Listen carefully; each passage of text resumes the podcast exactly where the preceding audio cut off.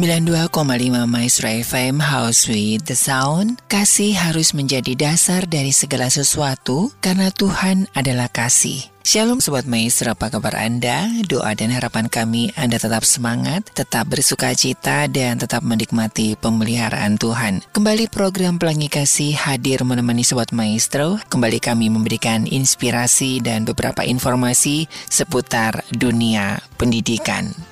Sobat Maestro, bangsa yang memprioritaskan pendidikan dalam program-program pemerintahannya akan menjadi bangsa yang maju dan dapat bersaing di dunia internasional. Bangsa yang memperhatikan pendidikan akan membuatnya sebagai bangsa terdepan dalam ilmu pengetahuan dan pada gilirannya bisa menjadi penguasa dunia karena bangsa yang pendidikan dan teknologinya maju akan menjadi kiblat bagi bangsa-bangsa yang lain. Pendidikan individu dapat dilakukan melalui pendidikan formal, non-formal, maupun informal. Sobat Maestro, aktivitas pendidikan atau belajar bagi setiap individu tidaklah selamanya dapat berlangsung secara wajar. Kadang-kadang lancar, kadang-kadang tidak. Kadang-kadang dapat cepat menangkap apa yang dipelajari, kadang-kadang terasa amat sulit. Demikian kenyataan yang sering dijumpai pada setiap anak didik dalam kehidupan sehari-hari dalam kaitannya dengan proses belajar mengajar. Setiap individu memang tidak ada yang sama. Perbedaan individu ini pula lah yang menyebabkan perbedaan tingkah laku di kalangan anak didik. Siswa yang tidak dapat belajar sebagaimana mestinya, itulah yang disebut dengan kesulitan belajar. Sobat Maestro, nanti ada beberapa pakar pendidikan yang akan memberikan informasi bagaimana mendiagnosis anak-anak yang kesulitan belajar dan bagaimana cara menghadapinya.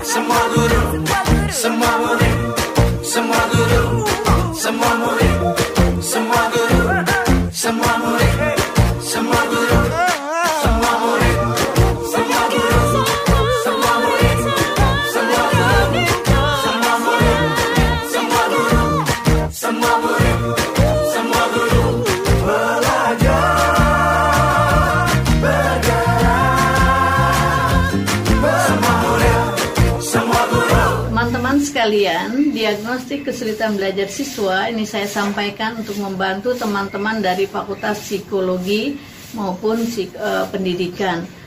Eh, diagnostik adalah suatu usaha yang dilakukan untuk meneliti kasus ya, kasus kesulitan belajar siswa untuk menemukan penyebab terjadinya eh, masalah atau timbulnya masalah eh, pada siswa baik di dalam kelas maupun di luar kelas. Kemudian eh, diagnostik ini adalah usaha untuk menemukan jenis jenis kesulitan belajar siswa. Kita tidak boleh mengatasi kesulitan belajar tanpa menemukan jenisnya terlebih dahulu. Kemudian diagnostik ini adalah eh, gunanya untuk menetapkan kemungkinan bantuan ya jenis bantuan yang akan diberikan kepada siswa. Jadi karena siswa itu adalah setiap siswa itu adalah sangat individual, maka jenis bantuannya juga harus sesuai dengan jenis kesulitan yang dialaminya. Baik teman-teman sekalian, eh, bagaimana untuk menentukan apakah siswa em, apa namanya eh, mengalami atau mahasiswa mengalami kesulitan belajar?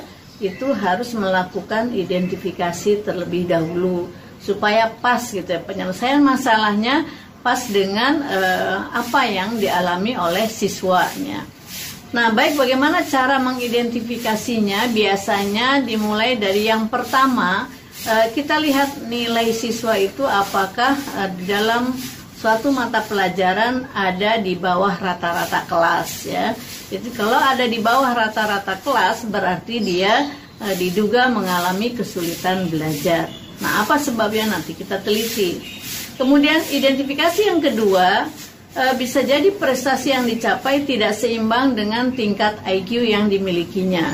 Mungkin siswa merasa IQ-nya tinggi, IQ-nya eh, bagus gitu, tapi kok prestasi yang dicapainya itu eh, tidak seimbang gitu dengan IQ yang dimilikinya.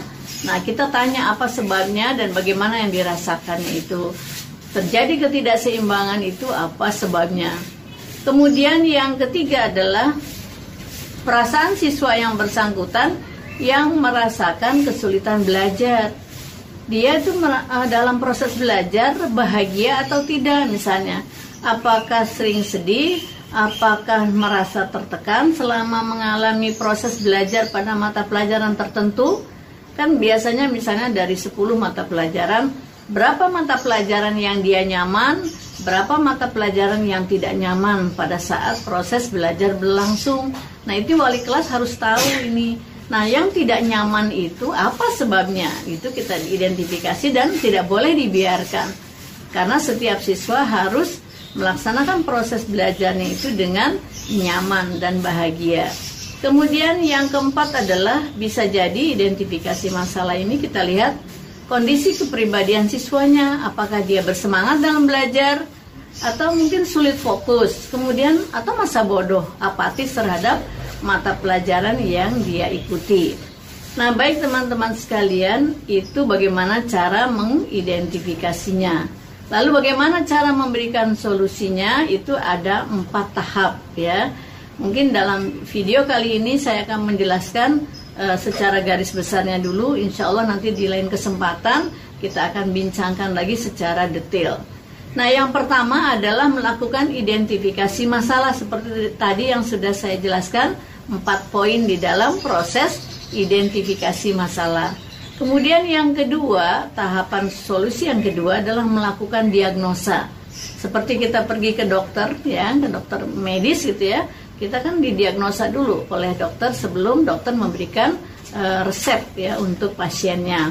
Begitu juga di dalam mengatasi kesulitan belajar siswa harus didiagnosa dulu ya apa kebutuhannya baru nanti kita memberikan terapi.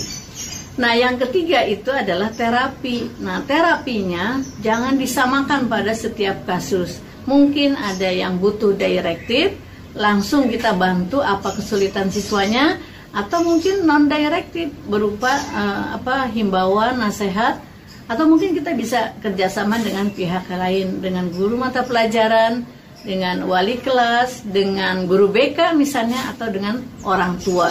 Jadi tidak langsung kepada yang punya masalahnya kita bisa bekerjasama dengan pihak ketiga tadi.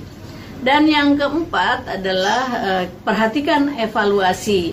Evaluasi ini gunanya adalah apakah terapi yang sudah kita berikan untuk membantu kesulitan belajar siswa itu tepat atau tidak. Kalau tidak tepat, di mana letak kesalahannya? Kalau tepat ya alhamdulillah berarti masalah bisa terbantu dan selesai. Nah, kalau tidak tepat, cari lagi ke langkah yang pertama. Mungkin identifikasinya yang salah dan kurang tepat, mungkin ada di eh, tahap diagnosa yang kurang tepat belum tentu langsung terapinya yang salah. Jadi cari ke atas ya apakah kalau identifikasinya benar, diagnosanya benar, oh berarti terapinya yang ada kesalahan, berarti terapinya dicek lagi. Mungkin butuh terapi yang lebih banyak atau ada model-model terapi yang lain yang dibutuhkan oleh siswa yang mengalami kesulitan belajar. My mommy says I'm a miracle. My daddy says I'm a special little guy. I am a princess, and I am a prince. Mum says I'm an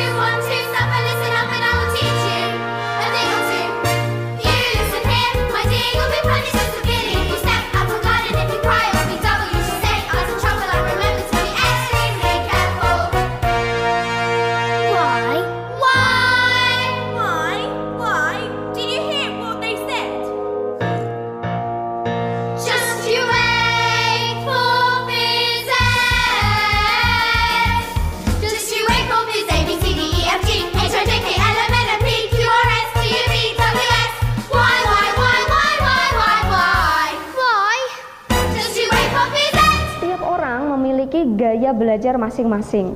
Gaya belajar adalah cara yang paling kita sukai dalam memproses informasi. Ketika Anda ingin tahu gimana caranya membuat akun Instagram, uh, di situ akan terlihat gaya belajar Anda itu cenderung yang mana. Ketika Anda lebih memilih baca artikel, artinya Anda itu cenderung visual.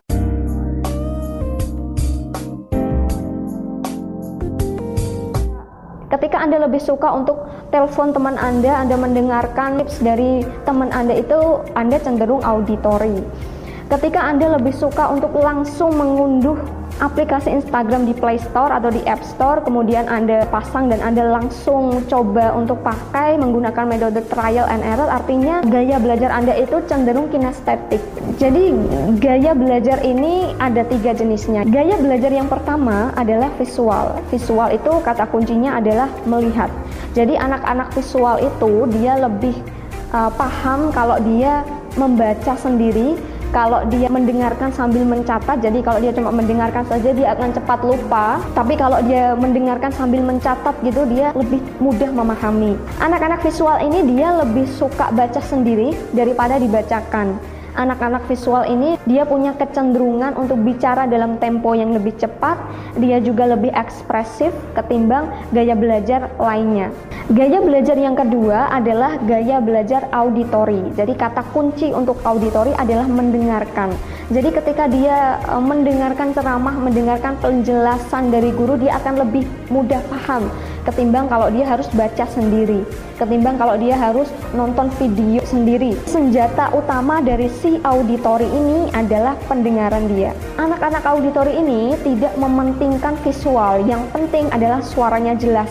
Jadi kalau di kelas Anda uh, lihat ada anak yang dia marah ketika kelasnya gaduh gitu ya, padahal dia sedang mendengarkan penjelasan guru dengan baik, ya kemungkinan besar dia adalah auditori. Gaya belajar yang ketiga adalah gaya belajar kinestetik. Jadi kata kunci dari kinestetik adalah gerakan. Jadi anak-anak kinestetik itu dia tidak cocok kalau cuma sekedar membaca atau cuma sekedar mendengarkan, dia harus praktek langsung dia nggak bisa kalau dia cuma sekedar uh, membayangkan berimajinasi atau mengawang-awang materi ini seperti apa praktiknya seperti apa dia nggak bisa. Cara belajar kinestetik adalah melalui pengalaman bukan melalui hafalan.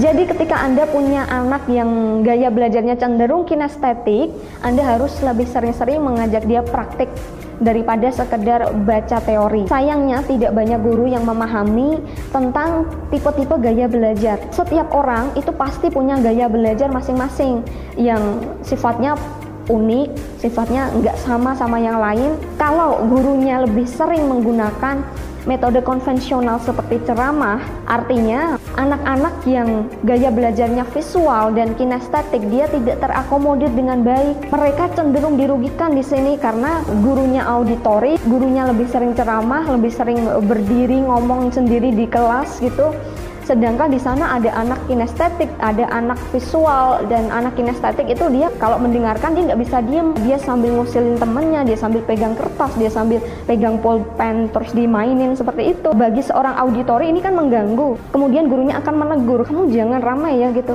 Ya padahal itu gaya belajarnya dia seperti itu. Jadi kalau dia ditegur seperti itu ya dia nggak bisa. Dia akan kesulitan untuk memahami materi yang Anda sampaikan. Ketika Anda paham bahwa gaya belajar itu jenisnya bermacam-macam, di sana anak-anak Anda itu nggak semuanya auditori, tapi ada juga kinestetik dan visual. Artinya ketika Anda menyampaikan materi, ketika Anda membuat metode belajar, Anda harus mengkombinasikan, berusahalah untuk mengkombinasikan tiga gaya belajar itu auditori, visual, dan kinestetik supaya materi yang Anda sampaikan itu bisa dicerna dengan baik oleh semua murid. Jadi anak-anak uh, kinestetik dia akan merasa diperhatikan, anak-anak visual dia juga bisa merasa bahwa gurunya peduli sama kemajuan belajarnya dia dan auditori juga dia tetap merasa diuntungkan.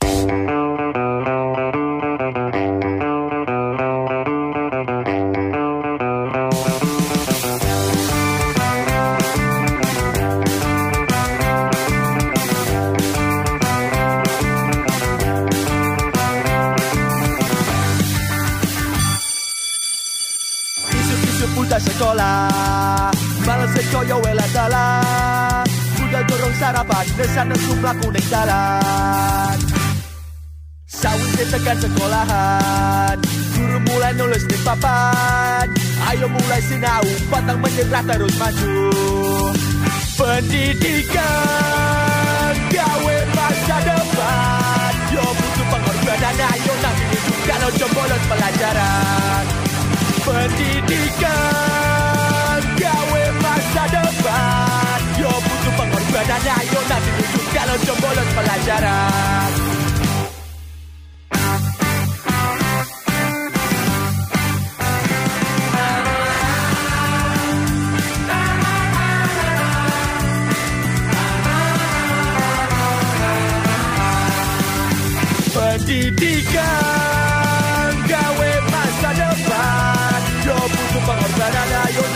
nanti wujudkan ojo bolos pelajaran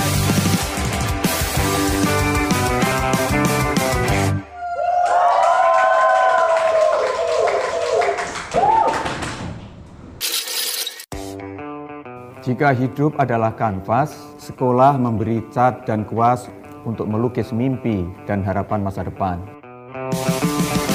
Kali ini saya ingin mengajak eh, rekan-rekan semua, sahabat-sahabat semua untuk kita eh, belajar bagaimana caranya mengatasi kesulitan dalam belajar. Tentu hari ini kita mendapatkan cobaan yang sangat luar biasa dalam proses pembelajaran di mana pembelajaran dilakukan secara daring, kemudian kita tidak bisa atau dibatasi dalam bertatap muka, kita harus belajar menggunakan media Zoom, Google Meet, WhatsApp dan lain-lain dan itu saya rasa sendiri itu sangat-sangat sangat menyulitkan bagi saya pribadi. Namun saya jadi teringat kepada eh, teori kesulitan belajar yang ada dalam psikologi pendidikan bahwa kesulitan belajar itu setidaknya ada dua faktor.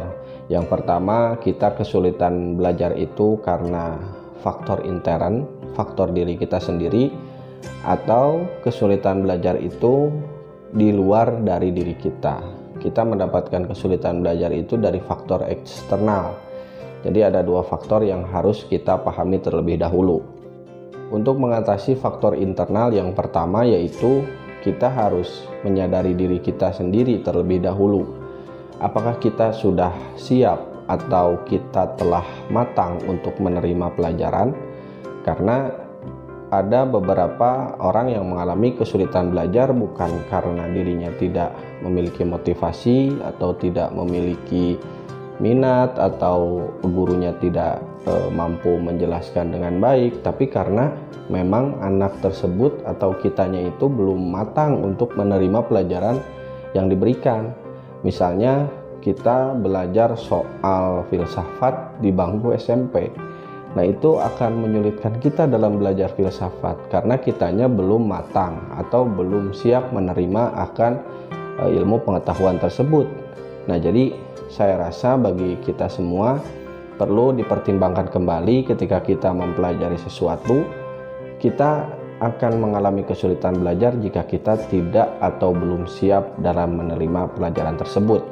Yang kedua yaitu faktor internal juga yang ini merupakan urusan motivasi kita dalam belajar atau bisa dibilang kita ini belajar mau apa sih atau dorongan apa yang menggerakkan diri kita sehingga kita mau belajar.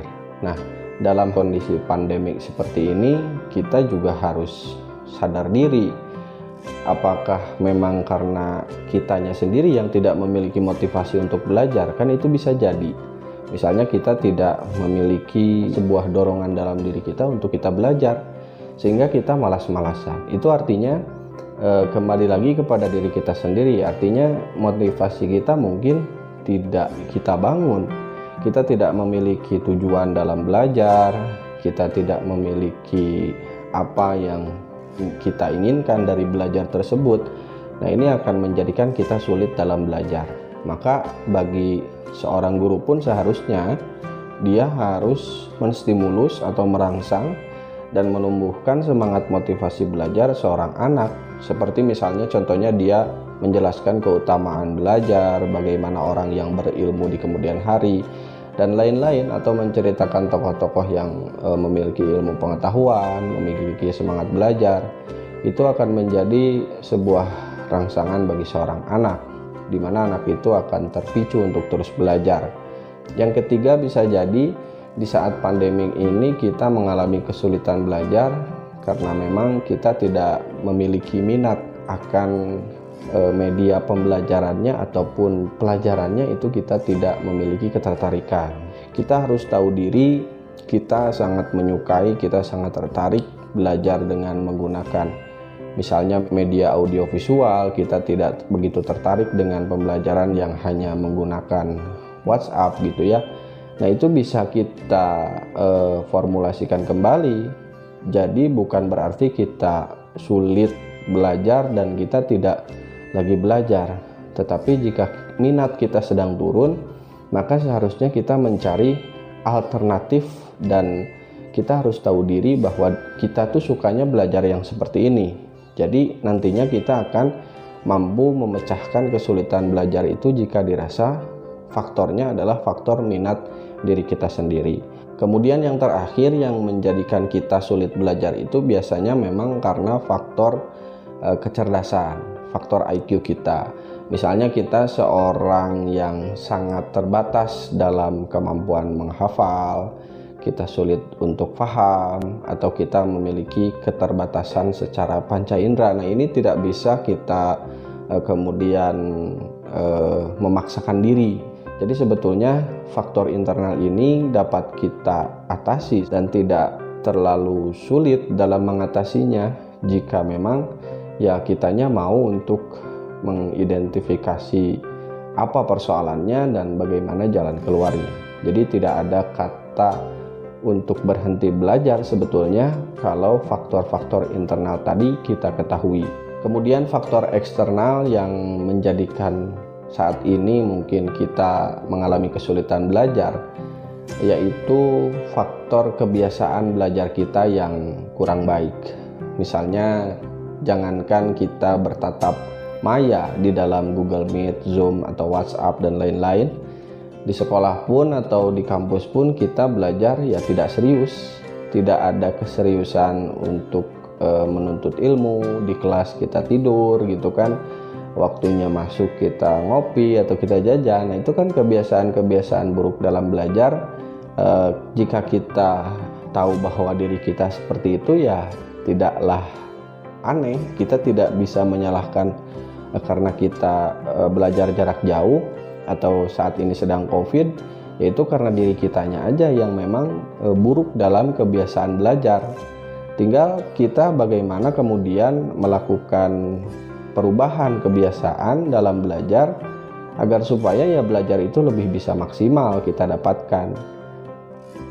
Nah, kemudian faktor eksternal itu juga bisa dari lingkungan keluarga atau lingkungan masyarakat karena bisa jadi keluarga kita itu tidak memiliki tradisi e, belajar yang baik gitu kan, tidak terlalu memperhatikan sekolah, tidak terlalu memperhatikan kita belajar sehingga kita tidak ada tuh motivasi atau kita tidak ada tergerak ingin belajar atau kita serius belajar. Karena ya keluarga kita pun cuek-cuek aja. Misalnya kebiasaan di keluarga kita ya hanya eh, main-main gitu kan. Atau hanya e, main game main e, apa gitu ya permainan-permainan. Atau misalnya ya tidak ada yang konsen terhadap belajar gitu ya. Nah, itu juga kemudian akan menjadi faktor juga yang akhirnya kita akan sulit untuk belajar karena kita tidak terbentuk dalam lingkungan keluarga yang mentradisikan untuk terus belajar. Kemudian juga faktor lingkungan ini juga sangat berpengaruh. Bagaimanapun lingkungan seperti teman bergaul, tetangga kita depan rumah atau tetangga kita pinggir rumah pun itu akan menentukan eh, kita mudah belajar atau mengalami kesulitan belajar karena kan kita melihat tetangga kita seperti itu atau rumah-rumah di pinggir kita seperti ini kelakuannya kebiasaannya dan salah-salahnya kita mengikuti mereka yang tidak konsen terhadap eh, belajar uh, dalam kesehariannya ya kita akan terbawa kepada lingkungan masyarakat yang di sana itu tidak ada uh, konsen terhadap pembelajaran atau tidak konsen terhadap sekolah.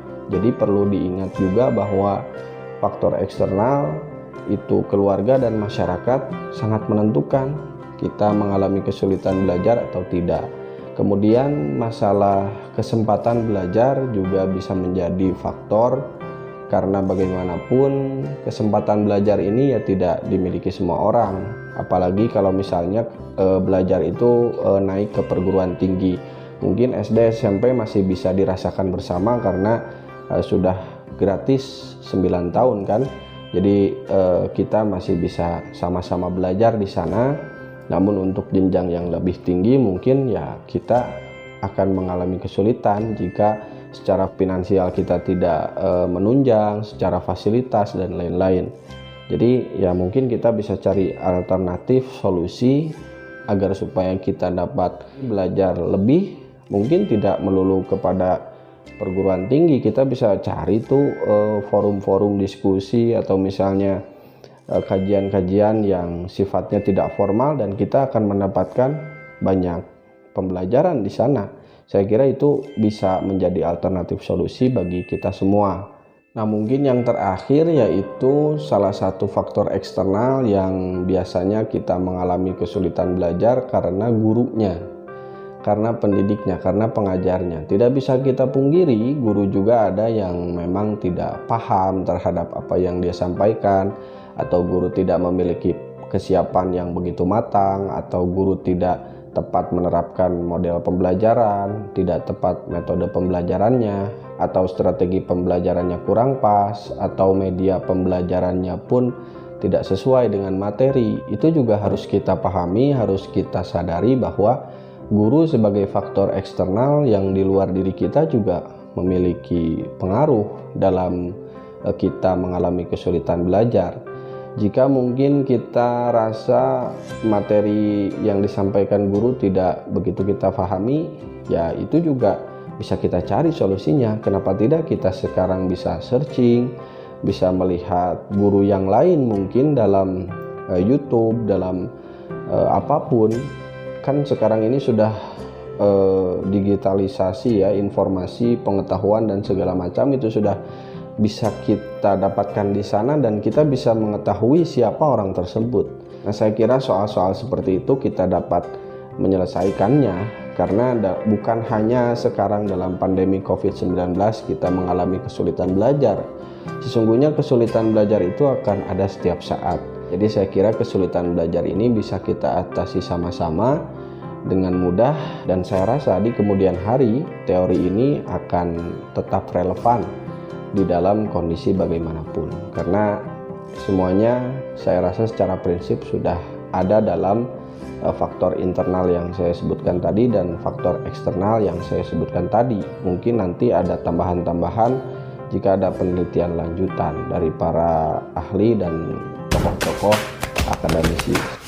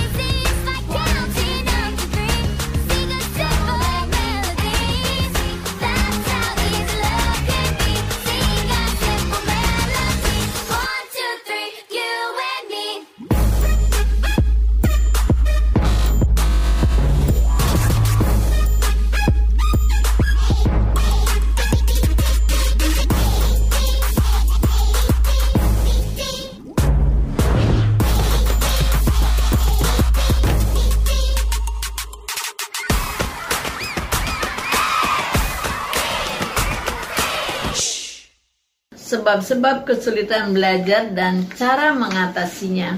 Teman-teman sekalian, eh, sebelum saya masuk pada inti permasalahan, saya ingin memperbaiki dulu persepsi masyarakat yang eh, harus diluruskan ya. Jadi misalnya adalah bahwa eh, yang mengalami kesulitan belajar adalah anak-anak atau siswa yang di bawah standar kemampuannya atau disebut slow learner ya. Sebetulnya tidak demikian. Semua siswa berpotensi di level mana pun itu berpotensi mengalami kesulitan belajar.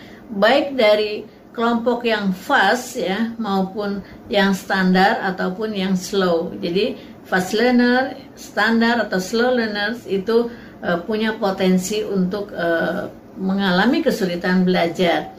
Misalnya bagi yang cepat ya pembelajar cepat itu dia biasanya mengalami kesulitan pada saat dia uh, tidak mendapatkan uh, apa namanya uh, tidak mendapatkan pembelajaran yang sesuai kebutuhannya gitu.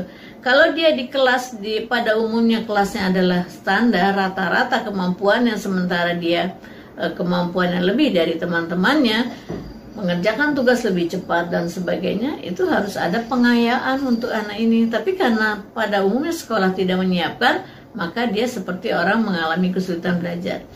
Kemudian yang slow. Slow itu jadi kalau yang tadi adalah membutuhkan materi yang lebih banyak yang fast ya kalau yang slow learner itu adalah membutuhkan waktu yang lebih banyak. Berarti ini ada programnya khusus gitu berbeda dengan teman-temannya yang standar. Nah, kalau yang standar rata-rata biasanya lebih lebih mudah di dalam mengikuti proses pembelajaran, tapi mungkin ada masalahnya di bagian lain, misalnya eh, ketidakmampuan dalam penyesuaian diri. Jadi, potensi eh, mengalami kesulitan belajar pada level anak di bagian mana pun bisa saja terjadi.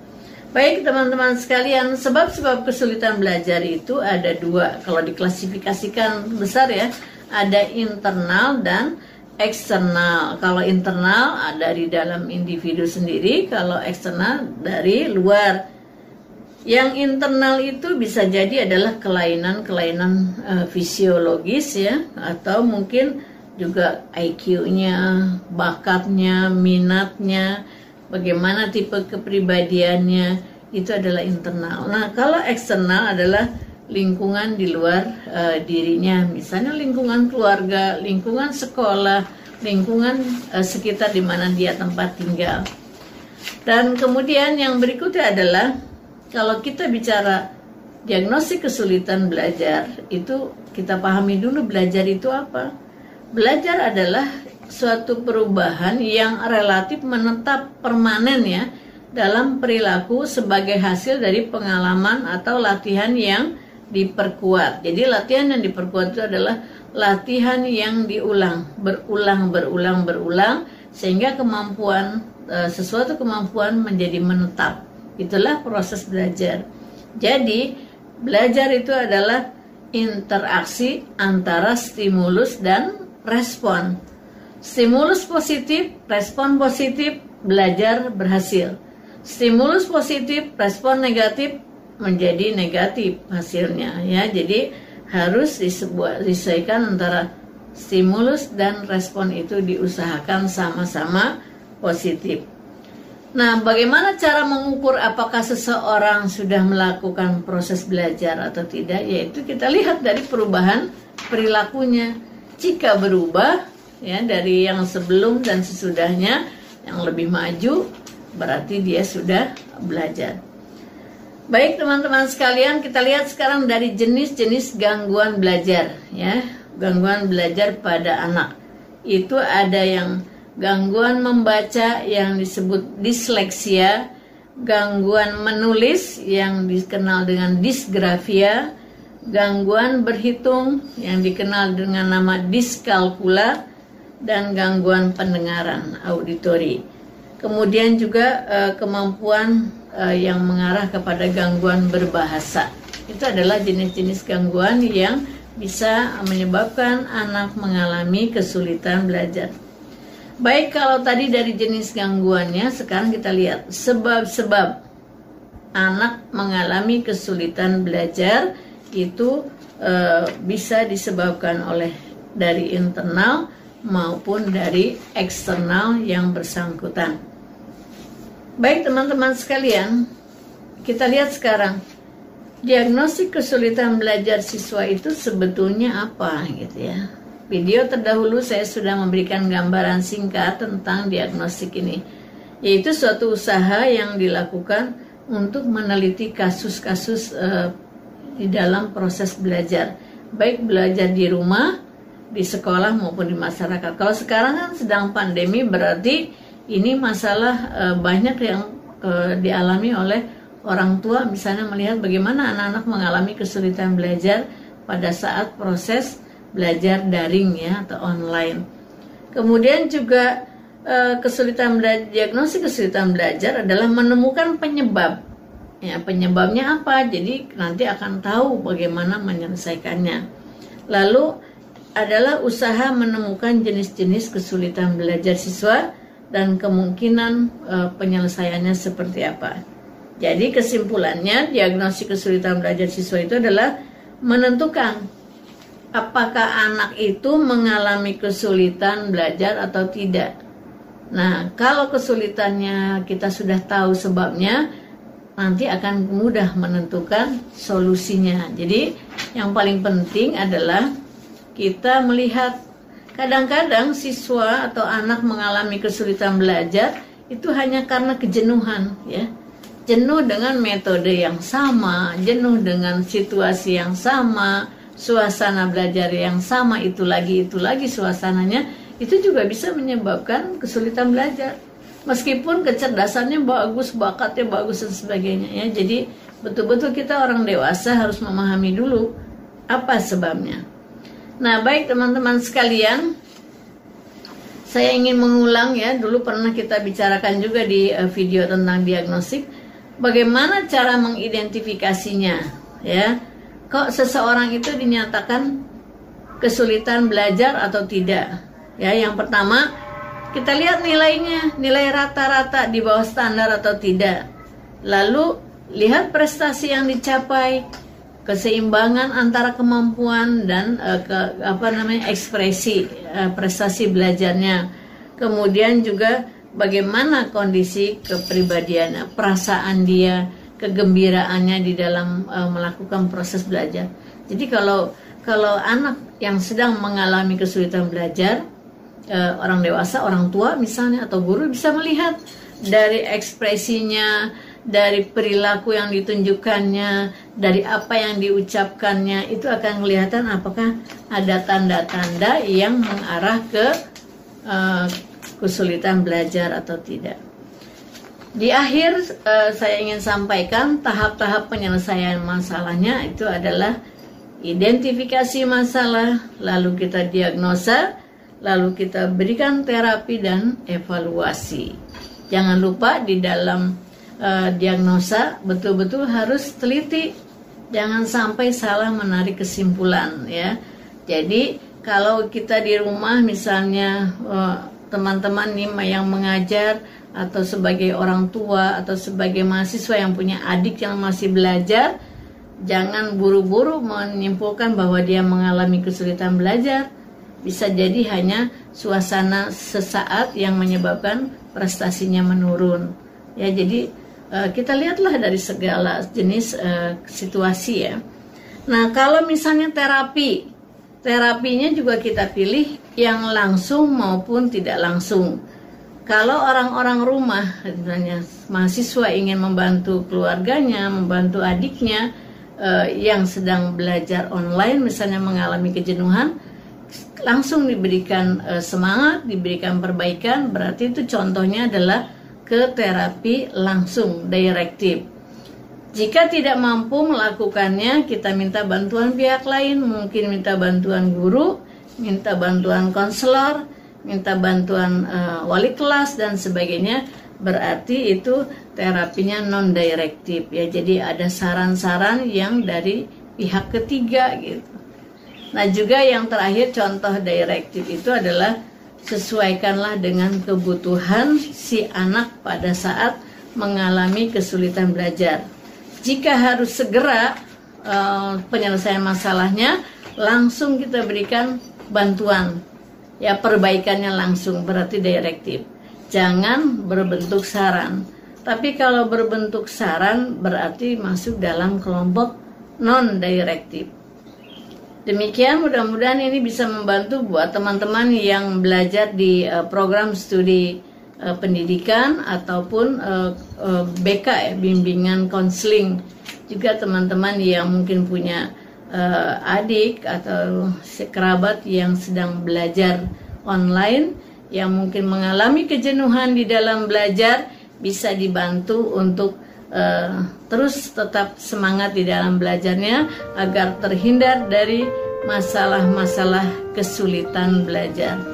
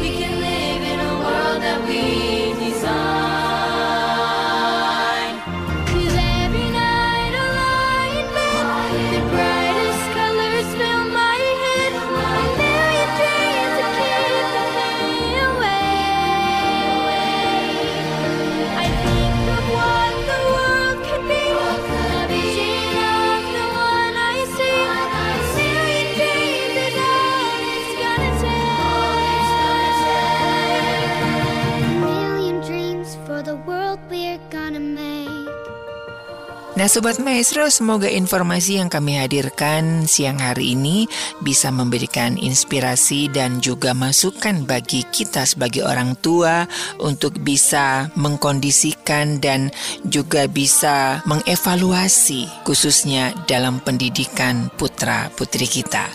Dari Gera Maestro Jalan Kaca Piring 12 Bandung, saya Ari dan rekan operator mengundurkan diri.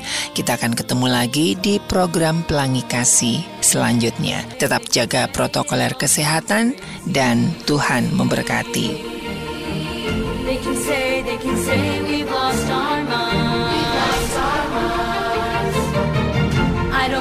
I don't care if they call us crazy.